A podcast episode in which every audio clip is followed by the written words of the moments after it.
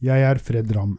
Det er kjent at fysisk aktivitet bedrer kognitiv fungering hos eldre og bremser aldersbestemt funksjonstap i hjernen.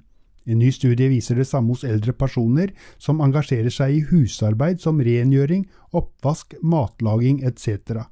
66 kognitivt velfungerende i alderen 71 pluss måtte svare telefonisk på en kartlegging om deres aktivitet. Undersøkelsen skilte på husarbeid og fysisk aktivitet som del av rekreasjon.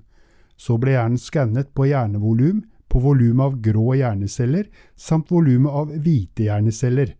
Forsøkspersoner ble testet kognitivt i fire domener – hukommelse, arbeidsminne, oppmerksomhet, hastigheten oppgaver ble løst på, og til slutt eksekutive funksjoner, dvs. Si evnen til å utføre alminnelige oppgaver.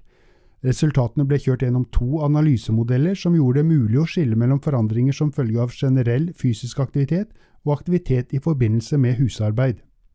Resultatene viste at husarbeid, ikke annen fysisk aktivitet, var forbundet med større hjernevolum og større andel grå masse i hjernen. Særlig var funnene tydelige i hippocampus, området for hukommelse, og i pannelappene, områder for planlegging, oppgaveløsing og oppgaveutføring.